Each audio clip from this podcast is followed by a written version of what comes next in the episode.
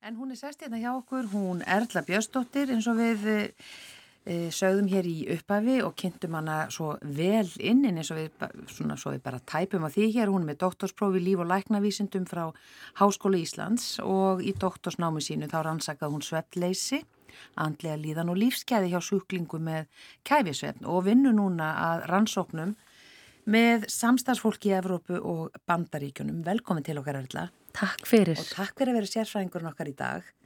Eh, ef við bara byrjum á því að forvittnast um eh, þessa rannsóknir sem þú ert að vinna að. Já, uh, ég brenn rosalega mikið fyrir að auka aðgengi að livjalösum laustum við sveppleysi. Sveppleysi er svona algengasta vandamáli sem við sjáum bara í samfélaginu og um þriðjungur fullorðina sem er að þjást af sveppleysi á einhverjum tímapunkti í sínu lífi og svepplifja nótkun eru þetta gríðarlega mikil og sérstaklega hér á Íslandi, bara við byrjum okkur saman við okkar nágranna þjóðir. Og klíniska leiðbenningar mæla ekki með því að maður noti svepplif lengur en fjórar vikur samfelt og langvarandi nótkun hefur ímis skadlega áhrif og þess vegna finnst mér svo mikilvægt að auka aðgengi að öðrum lausnum og livjalösum lausnum þannig ég hef verið að vinna mikið að rannsóknum tengt því árangur af hugrætni atverðismeðferð bæði sem veittir í gegnum VF til þess að þetta geta komið til móts við fólk utan að landi sem að ekki hefur tök á því að sækja sér þjónusti til Reykjavíkur. Mm. Við erum líka með hópmeðferðir og ímis úrræði og við erum að, með þessa meðferð líka bæði í Breitlandi og Bandaríkjónum og erum svona að skoða árangurinn þar þannig að það er kannski það sem ég svona brenn helst fyrir svona þessi misserinn uh, svo er ég líka að sinna rannsóknum og kennslu í háskólum í Reykjavík og ég er alltaf með bæði BS og mastersnema sem eru að vinna alls konar skemmtileg verkefni og við erum svolítið núna að setja fókus á svefn hjá ungu fólki og skoða svona hvernig við getum auki fræðslu um svefn hjá ungu fólki og líka börnum og hvort að það skili þá bættum svefnvennjum þannig að við erum að fara á stað með mjög spennandi verkefni þessu tengt núna og vorum að gera mjög skemmtilegt svona svefn myndband uh, þar sem við erum að fá svona flottar ungar fyrirmyndir til að ræða um mikilvægi svefs og hvað þau gera til þess að passa upp á svefnin sinn og svona hvernig þau hafa upplifað vandamál með svefna því að við vitum að ungt fólk tengir kannski betur við um eitt fólk á sínu reki, mm. ekki endilega bara við sérfræðingarnir alltaf að predika yfir þeim hvað þeir að gera og þannig við að koma að brenna þætti eins og neyslu orkudrykja og skjánótkun, streitu og fleira sem við vitum að hefur áhrif Þannig að þetta er kannski svona samnefnarinn yfir þær rannsóknir sem að ég er svona mest að fást við í dag. Mm. Þú hefur verið, er ekki rétt muna hjá mig, þú ert talsmaður þess að senka klukkunni? Jú, ég hérna barðist fyrir því og hérna, fannst sorglegt að það erði ekki gert. Ég held að það hefði gert okkur gott að fá morgunbyrtuna en uh, það er ekki og þá bara verðum við að nýta þá byrtu sem er til staðar og nýta jafnvel dagljósalampa. Það er á mínu heimili bara, ég gæti ekki án hans verið þessa mótna að hérna, fá allavega þessa svona gerfi byrtu til þess að hjálpa manni að staða út í daginn að því að það er bara þannig að við erum með svona ákveð hormón í líkamannum sem heitir melantónin sem að stýrist af byrtun í umhverfinu og þetta hormón hefur mjög mikil áhrif á svefn og vöku kerfið okkar og þetta hormón byrjar að myndast í blóðinu á kvöldin þegar það fyrir að dimma og veldur sivi og hjálpar okkur að sopna. Þannig að til dæmis er ekkert mjög askilett fyrir okkur að vera með allt og bjart á kvöldin eins og er hjá okkur á sumrin á Íslandi. Þannig að við þurfum að passa okkur sjálfa, dimma í kringum okkur, uh, draga fyrir gardínur, jafnvel að setja bara upp sólglerugu ef við erum úti á sumarkvöldum, jafnvel þó sólinn skýni ekki að þá eru að taka inn mikið magna byrtu og síðan einmitt núna þegar það er svona dimt á mótnana þegar við vöknum að þá eru við með þetta svefnhormón í blóðinu þar til að fyrir að byrta og þess vegna finna svo margir fyrir því að það er erfiðar einhvern veginn að koma sér á fætur og bara ná upp orkunni þegar að myrkrið er svona mikið og þess vegna vildu við leiðirétta klukkuna og hafa hana bara rétta með við legu landsins og fá þá meiri morgunbyrtu en fyrst að svo er ekki að þá getum við nýtt hérna tæknina og nýtt þessi dagljós til að hjálpa okkur. Mm. Hver, hvernig notar þessi dagljós? Hvað, sko, kveikir þú bara á þeim strax og þú vaknar eða? Já, sko það bæðir eru til svona dagljósa klukkur og þetta eru bara klukkur sem að, þetta er bara vennileg vekjara klukka sem byrjar í raun og veru svona að stigmagnandi lýsa upp svefnherbergið um hálftíma áður um að ætla að vakna og þegar að klukkan ringir að þá er orðið bjart í herberginu og flestum finnst mjög auðveldara að vakna í byrtu og minni kannski freysting til að fara á snúsa og svo er það líka þannig að þegar það fyrir að byrta í umhverfinu að þá fyrir svefnin að létta og það er mikið auðveldara fyrir okkur að vakna upp úr léttum svefni heldur en til dæmis upp úr djúpsvefni. Þannig að þetta getur verið mjög sniðut fyrir þá sem að eiga erfitt með að koma sér fram úr á mótnana, til dæmis fyrir úllinga sem er erfitt með að vakna. Ég fann mikinn mun bara á mínum eigin úllingum þegar ég fekk svona klukku. En svo er það þessi dagljós sem eru bara viðukjönd lækningatæki og fjölmarga rannsóknir sem að styðja nótkun þeirra. Þetta eru þá lampar með sérstaklega sterkum perum. 10.000 lux, þetta er alveg rosalega bjart ljós, alls ekkit romantísk byrtendil á mótnana og ég kveiki bara á þessu, leið og ég vakna uh, ég er oft með þetta á baðherbyrgi með að við erum að taka okkur til og svo setjum ég þetta bara á eldúsborðið, við erum að lesa blöðin og fá okkur kaffibotla og börnin að fá sér morgumat og það eru allir Þú færi bara ljósið með þér þángar sem já, þú fer ég færi það bara með mér og er bara með þetta svona cirka fyrsta hálftíman og ef ég er að vinna heima eins og ég er svolítið mikið núna þessi misserinn þá hef ég þetta bara kveikt þar til að þeirra byrta að Þú segir þetta sé svona sterkljós því ég er með svo viðkvæma húð. Mm -hmm. maður solbrennur ekki Alls ekki. Nei, ekki og þú þarf ekki að stara inn í ljósið þetta er ekki þannig að þetta sé óþægilegt þetta bara er í sjónsviðinu Já. og hérna börnin mín kalla þetta orkuljósið alveg sógast að þessu En maður tekur þetta sem sagt inn í gegnum augun í já, rauninni Já, já. maður neymur þetta þannig sko. En að þú talar um uh, melantónin hérna á þannig að það væri það sem svona stjórnæði uh, eða hjálpað okkur uh, þetta hormón mælur með því að taka inn melantónin, ég veit að það er ekki leifilegt á Íslandi en, en hvað segir þú um það? Nei, almennt mæli ég ekki með því. Melantónin er í raun og veru ekki eiginlegt svepplif. Melantónin er kannski meira að hugsa sem lif til þess að stilla einmitt líkams klukkun okkar. Til dæmis ef við erum að fara að ferðast yfir mörg tímabelti, þurfum að aðlæðast nýjum tíma, þá getur melantónin aðstóða okkur við það og þá bara í skamman tíma á nýjum stað. Fyrir vaktavinu fólk, þá getur þetta verið kannski hjálpaðum eftir nætuvaktir að ná betri svefni þá en melantónin er bara því miður allt og lítið rannsakað og sérstaklega langtíma áhrif þess að nota melantónin og við meðum ekki gleyma því að þetta er hormón og við viljum kannski ekki vera að taka inn hormón að staðaldri, uh, sérstaklega þegar við vitum ekki hvernig okkar eigin framleysla er og hvort okkur skorti þetta hormón og bara hvaða áhrif hefur þetta á okkar framleyslu á melantóninni og bara aðra hormónaframleyslu í líkamannum og það eru til dæmis rannsóknir sem hafa verið gerðar á dýrum sem að sína svona niðurstöður sem að kannski valda okkur smá áhyggjum að við erum að sjá að þetta hefur áhrif á framleyslu annara hormóna og til að mynda kynhormóna. Og við sjáum minni frjósemi hjá kvendýrum sem er að taka þetta inn. Þetta er bara eitthvað sem við höfum ekki rannsakan á vel hjá okkur. Þannig að eins og með öll önnu sveplifa þá myndi ég alltaf segja bara í sem minnstu möglu skömmtum og í sem skemstan tíma og varandi melantónin eða fólk er líka að kaupa sér þetta oft bara í bandaríkjónum uh, þar sem þetta er selt í lausasölu. Mm. þar er ekki eftirlit með þessu.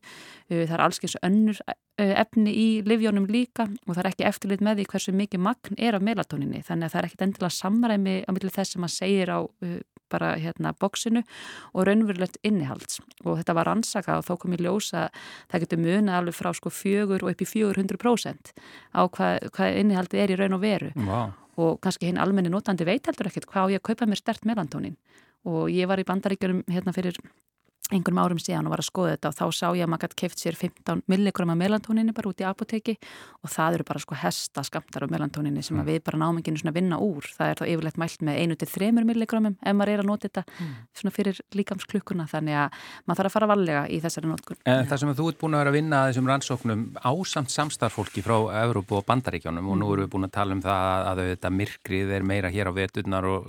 og byrtan er meira á sumrin þannig að er, er, sko, hvernig eru við í svona svefni og svefnvandamálum meða við eh, aðrar þjóðir sem þú hefur verið að bera saman við? Sko við veitum það að sveppvandamál eru auðvitað algeng við það og það er ekkert eitthvað sér íslenskt að sofa illa en það er kannski svona helsti munurinn sem við sjáum er uh, þessi aukna svepplifi notkun. Við erum að taka bara markvallt meira á svepplifum heldur en gengur og gerist annar staðar.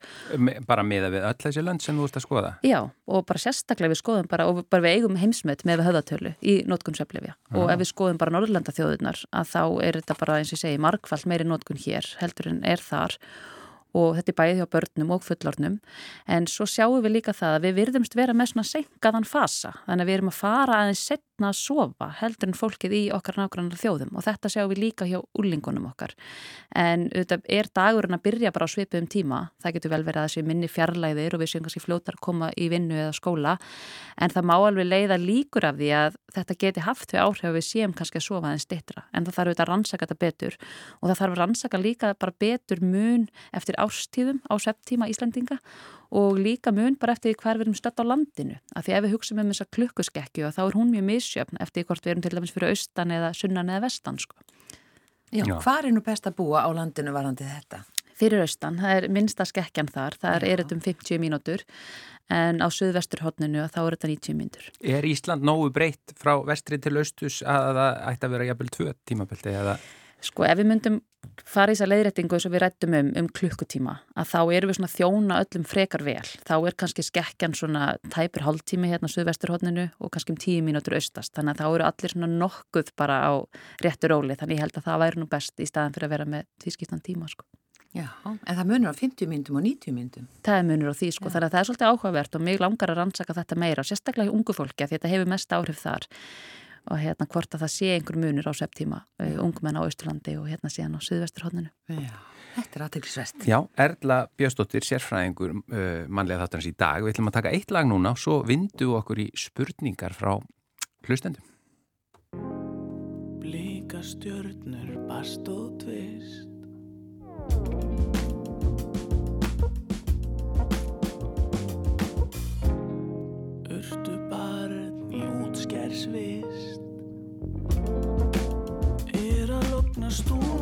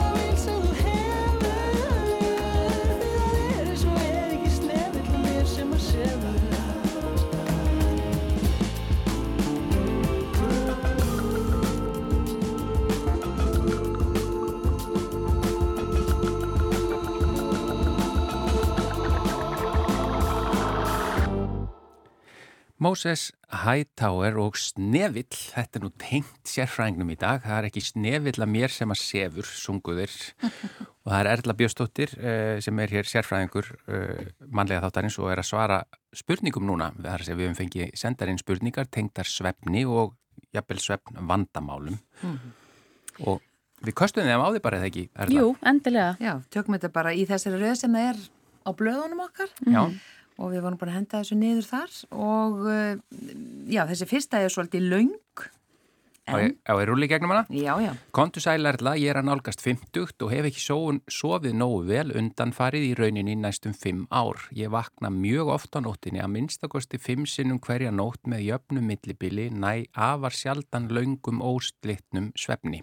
Oftar en ekki þá get ég ekki sopnað aftur nefnum ég fara á klósetið að pissa fyrst.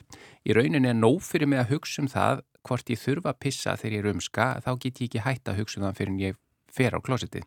Stundum næ ég að sopna nokkuð fljótt eftir að rumska og klósetverð en stundum get ég ekki sopnað í langan tíma, til dæmis vakna millir fjögur og fimm og sopna ekki aftur fyrir millir sjö og átta.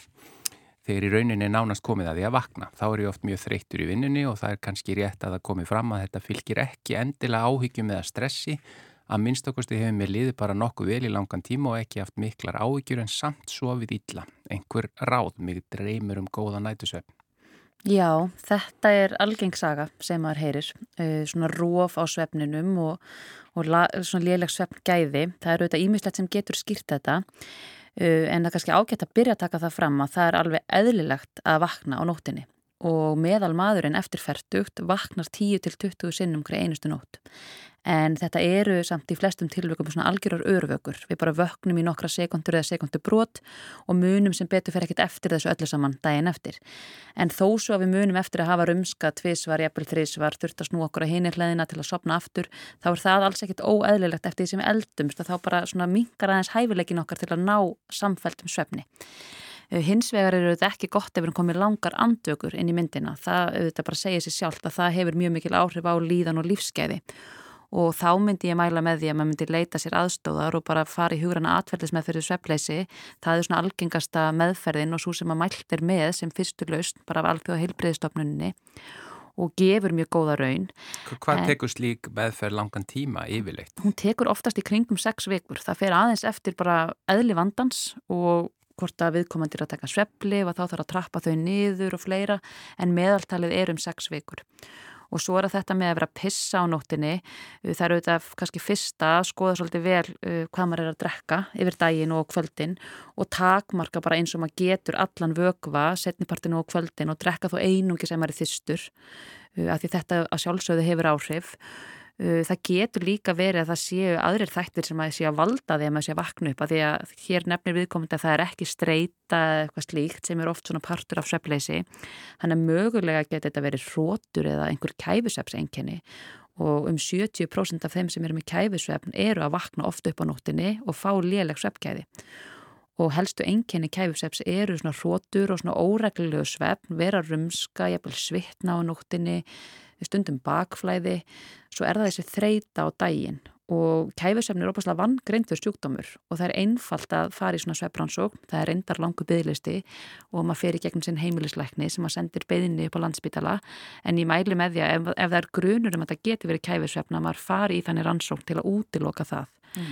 en það er hægt til dæmis inn á Eh, betrirsvepp.is, þá er þetta að taka svona stutt skeimpróf sem að metur í raun og veru hvort að það sé líklegt á sérst að glíma við sveppleysi og hvort að hugran atverðlis með fyrir gagnist þér eða hvort að það sé kannski mögulegt að þetta sé einmitt frekar merkjum kæfisvefni eða eitthvað annað þannig að það er hægt að kanna það líka mm. Það er einn sem spyr hér eh, sigur átt eða önnur einföld kolvetni, geta þau haft áhrif á svefnin? Já, þau geta gert það og þetta verður oft svolítið vítar hingur uh, ef við erum að borða sigur, sérstaklega setnipartinu og kvöldin, þá hefur það áhrif á svefngæðin og það tengja bara mjög margir við þetta sem fari í veistlur eða saumaklúpa á kvöldin og passa sig kannski mjög vel að sleppa koffinni en fá sér einhverja dísæta kukusneið og nóttin er bara rosalega erfið og það er bara vegna þess að við erum að hækka blóðsikurinn sem gerir það verkum að við erum lengur að sopna og svo þegar við náum að sopna þá er ójæfægi á blóðsikurinnum og hann fellur og það getur vakið okkur upp. En svo er það þannig líka að þegar við erum illa sofinn þá kreifum við miklu meira í sigur og einföld kolvetni. Mm. Líka minn kallar á svona skyndi-orku. Já, þenni þreytur. Já, og það er vegna þess að það verður svona brengluna á okkurum hormónum í líkamannum sem að stýra hungri og settu og þess vegna sækjum við í þessa skyndi-orku og við innbyrðum líka mikið fleiri kalóriur þegar við erum illa sofin. Þannig að það er rosalega stert samband á millu þess að sofa lítið og verið yfirþyngd og þess vegna verður þetta svolítið vítarhingur með sigurnæsluna. Við borðum sigur sem að lætur okkur sofa illa og af því við sofum illa þá sækjum við sigurinn. Þannig að það er rosalega mikilvægt að skoða þetta svolítið hjá sér og passa sér sérstaklega með setnipartinu og kvöldin að vera ekki, með, veist, ekki í namminu eða fá sér eitthvað dísætt jógurt eða eitthvað svona sem að hérna, getur síðan haft þessi áhrif. Mm. Og svo er einn spurning þarna með svepp töflu því þú talaði um það. Já, þú talaði um líf á þann mm. og hér er einn sem á við, við uh, hæ hæ, ég hef átt erfitt með svepp lengi og fekk að lokum livseðil fyrir ímóvan hjá lækni, eða ímóvani. Það hjálpaði mér að sopna og sofa í lengri dúrum en svo voru allt í einu liði næstum tvö ár og ég ákvaði að ég vildi ekki alltaf stiðjast við þetta liv uh, til að sofa betur þannig ég minkaði niður í halva töflu í talsverðan tíma og svo hætti ég alveg. Það gekk vel í nokkra mánuði að sofa án uh, ímóvanni en svo fór ég að sofa aftur ítla, vakna oft upp á nóttinu og var andvaka. Hvað segir þú um nótkun á uh, ímóvanni? Já, þetta er með eitt af þessum lefjum sem er ekki mælt með að maður noti lengur en fjóra vikur í einu og við veitum bara að langvarandi nótkun af þessum lifjum, hún hefur í mig skadalega áhrif. Hún til dæmis breytir því hvernig svefn við fáum. Við fáum minni djúpsvefn og minni drömsvefn sem er mikilvægst í svefnin og vegna þessa þá erum við að sjá áhrif á bara hugsun og minni, samhæfing og jafnvægi og fleira. Þannig að mist frábært að viðkomandi hafi komist af söflifunum og það er einmitt gott að trappa þetta niður eins og hún gerir, fara nýri hálfa og svo að hætta þessu. En það er auðvitað það sem gerist þegar við tökum söflif að við erum alltaf bara að bæla enkenni vandans en við erum kannski ekki að vinna í honum frá rótum og þetta er svona dæmum það að hérna, við sleppum septöflunni og svo kannski bara kemur vandin bara aftur að því við unnum aldrei alveg með rætur hans og það getur mitt verið að það sé undirleikandi streyta eða eitthvað til staðar sem er að valda því að viðkomandi sefur ekki vel. Og aftur myndi ég þá mæla með bara hugrætni atverðismeðferð að því að í þannig meðferð þá er skoðað rosalega nákvæmlega svefnmynstur fólks, rútína, svefn umhverfi, reyfing, mataræði, aðrir lífstílstættir og streytan og ég raun og veru unnið með alla þessa þætti á sama tíma af því að svefn er flókið ástand og það er samspil svo margra þáttar sem að hafa áhrif á svefnin. Þannig við verðum að skoða þetta í svona samhengi. Þannig að ég myndi mæla með að viðkomandi myndi skoða það í staðin fyrir að fara aftur á lifin. Mm. Uh, spurning fjögur. Ég vil koma framfæri vandamáli sem heldur fyrir mig vögu. Svefn vandamáli er þó í raunin ekki mitt, heldur mannsins míns. Uh, sem, já, hvernig skal orða það, er romantískur í svefni. Þetta er staðið yfir í eitt og hálft ár og á sér kannski stað þreysa til fjóru sinnum í mánuði. Ég er yðurlega sofandi á hliðinni og vakna við að hann snýr mér við með miklum tilþrifum og byrjar að kissa mig. Auðvitað gæti þetta verið skemmtilegt ef ekki væri fyrir þá staðrind að hann er reynlega stein sofandi. Hann er með opin augun og er yfirleitt mjög væmin til augnana en mann ekki eftir neinu morgunin eftir. Þannig að já. Já, Þetta uh, er svolítið áhugavert og þetta er uh, merki um ákveðna tegunda svepröskun sem að kallast sexsomnia. Ég veit nú ekki alveg hvernig maður á að þýða þetta á íslensku mm. en þetta er uh, partur af svepröskunum sem gerast í djúpsvefni, alveg eins og bara svefnganga og þetta í raun og veru lýsir sér þannig að fólk sýnir einhvers konar kynferðislega tilburði í svefni. Fólk er einmitt með halv opinu augun og svona fjarrænt augnráð og er ekki meðvitað um hvað það er að gera og man ekkit eftir því daginn eftir. Og þetta getur auðvitað verið erfitt bæði fyrir viðkomandi, þessu fylgir ótt bara mjög mikil skömm og þetta getur líka verið erfitt fyrir makan. Það er ágætt að vekja viðkomandi upp bara þegar þetta gerist og það er ekkit endilega að vista viðkomandi sé í einhverjum romantískum hugleðingum þegar hann vaknar því það er ekki endilega kveikjan af þessu og hann getur verið ringlaður og ekki bara átt að sjá því hvað er að gerast. En svona einkenni þau ígjast yfirleitt verulega upp þegar fólk er undir álægi eða eru vannsvefta áfengi líka getur ítt undir þetta. Þannig að maður þarf að passa rosalega vel upp á svefn umhverfi og alla rútínu og lífstílin almennt uh, nú veit ég ekki hvað þetta er gamalt fólk en mér er svona áhugavert að þetta hafi bara byrjað fyrir einu halvu ári það er spurning hvort að viðkomandi síni einhver önnur einkenni hafi átt sögum svefn, göngu eða eitthvað slíkt, það er algengt að fólk hafi svona sínt einhverja aðrar hæðanir í svefni líka. En þetta getur líka tengst öðrum svefnsjúkdómum og til dæmis kæfisvefni. Þannig að ef að viðkomandi er á miðjum aldri og er kannski að hrjóta og jafnvel kannski einhverju yfirþyngd að þá væri gott að aðtuga það hvort það gæti verið undirleikandi kæfisvefn sem gæti þó mögulega að skýrt þetta. En þetta, eins og ég segi, þetta er svona viðkvæmt og svona flókið málefni og og hérna, þessi svefbröskun var fyrst samþygt bara uh, og viðukent árið 2013 þannig að þetta fyrir eitthvað nýtt að nálinni ja. og vantar kannski rannsóknir betur á svona tíðinni og það er erfitt að átta sig á tíðinni af því að fólk situr svolítið með þetta í skömminni og vil kannski ekki alveg opna sig um þetta. Mm. Þannig að, já, það var gott að, að, að, hérna, að viðkomandi hafið hugur ekki til þess að Algjörlega. senda inn þessa spurningu þannig við þökkum bara kærlega fyrir, fyrir það. Það er bara frábært. Kannski ekki verið auðvelt, já. Svo, þá er það spurning 5. Já, uh, sælveriði, mitt svefnmunstur er þannig að ég sé um það bil 6 tíma á nóttu í nokkrum lótum, vakna sem sagt nokkru sinnum yfir nóttina. Er það slæmt eða skila það með nægum svefni? Talað hefur verið um að frummaðurinn hafi ekki sofið í 7-8 klukkustundi samfleitt á nóttu getur svefn í stuttan tíma að degi til verið góð viðbót við svefnin. Já, Sko, uh, já, það eru svona ákveðna kenningar um það að frummaðurinn hafi sofið í tveimur lótum, uh, hafi sopnað kannski um 8 á kvöldin og sofið til miðnætti, svo vaka svo hérna eitthvað fram um nóttina og sopnað svo aftur. Uh, líklega ef að þetta hefur verið minnstri þá hefur það þjónað einhverjum tilgangi. Hann hefur þurft að fara að veiða eða eitthvað slíkt Já, á nóttinni menn hefur verið á vöktum Já, verið Já, á vöktum og það er oft talað um að ástæðin fyrir því að það eru A og B típur eru að mynda akkurat að því að við höfum verið á vöktum sumir hafa vakað fyrirpartin og aðri setnipartin en uh, að öllum líkindum að þá hefur þetta auðvitað bara þróast með tímanum og í dag þá er samfélagi byggt upp svona þannig að það hendar okkur langt best að ná samfélgum svefni og svefngæðin eru best ef við náum okkar 7-8 tímum í einni lótu. Hins vegar er alls ekkit uh, óalgengt að rumska eins og ég kom inn á áðan. Það er bara eitthvað sem er alveg eðlilegt og maður þarf ekki að hafa áhyggjur af því svo lengi sem að sopna strax aftur. En 6 tímar það er svolítið stuttur svefn og það er of lítið fyrir lang flesta. Uh, við erum að horfa það að flesti fullorðnir þurfa 7-9 tíma. Þannig að hérna, ég kannski myndi helst kannski geta sagt það að mér finnst það svolítið lítið svefn og hann spyr síðan um þessa daglúra hvort að það getur verið góð viðbót við nætusvefnin. Uh, sko, það getur alveg verið ágætt, sérstaklega ef við sofum vel á nóttinni, að þá getur alveg verið í lægi að taka svona orkublund í hátteginu, 20 minna lúr sem bara svona aðeins endur nýjar orkuna og hjálpa orkur úr daginn En ef við erum að sofa illa á nóttinni, þá getur þetta líka skapa ákveðin vítarring ef við förum svo að leggja okkur á daginn til að bæta upp fyrir nóttina að svo fyrir það ég að hafa áhrif á næstu nótt. Og þannig einhvern veginn koll af kolli og við festumst inn í einhverjum vítarring. Þannig að ég myndi frekar leggja áherslu á að byrja því að fókusera að ná góðum nætusvefni og svo er það með daglúrana að það er ákveðin þumalputtaregla að reyna að leggja sér þá fyrir klukkan tvö og ekki lengur en hálf tíma af því að eftir því sem líður á daginn þá þarf stittri svefn til að skemma nóttina og þetta hefur bara með dægursveflun okkar að gera. Þannig að þó að við getum sopnað í 20 mínútur í hádeginu án þess að það hafi áhrif á nætusvefnin að þá geta þrjár mínútur yfir kvöldfréttonum skemmt nóttina. Já. Þannig að þetta skiptir miklu máli. Já. Kanski eitt sem við gleyndum að koma á þegar við vorum að ræða þetta almennt hérna í upphafi. Hvenar er best að fara að sofa á kvöldin? Uh, við erum þetta ekkert alveg öll eins og eins og ég nefndi á hann A og B manneskur, það er alveg klár munur á okkur þar. Samfélagið þetta er mjög sniðið að A manneskinni, 8-4 vinnudagurinn og það er einhvern veginn svona samþygt að fara að snemma svo og vakna að snemma. En ef við horfum bara á líkamsklukkuna að þá er það þannig að það hægist á allir líkamstarfsemi á kvöldin og fyrirpart nætur er starfsemi líkamans svo rosalega hæg og þarna eru við í kjör ástandi fyrir djúpsvefn og þarna er djúpsvefn ríkjandi. Þannig ég myndi segja að sko okkar 7-9 tímar ættu að vera einhverstaðar á tímabilinu frá 10 á kvöldin til 10 á mótnana.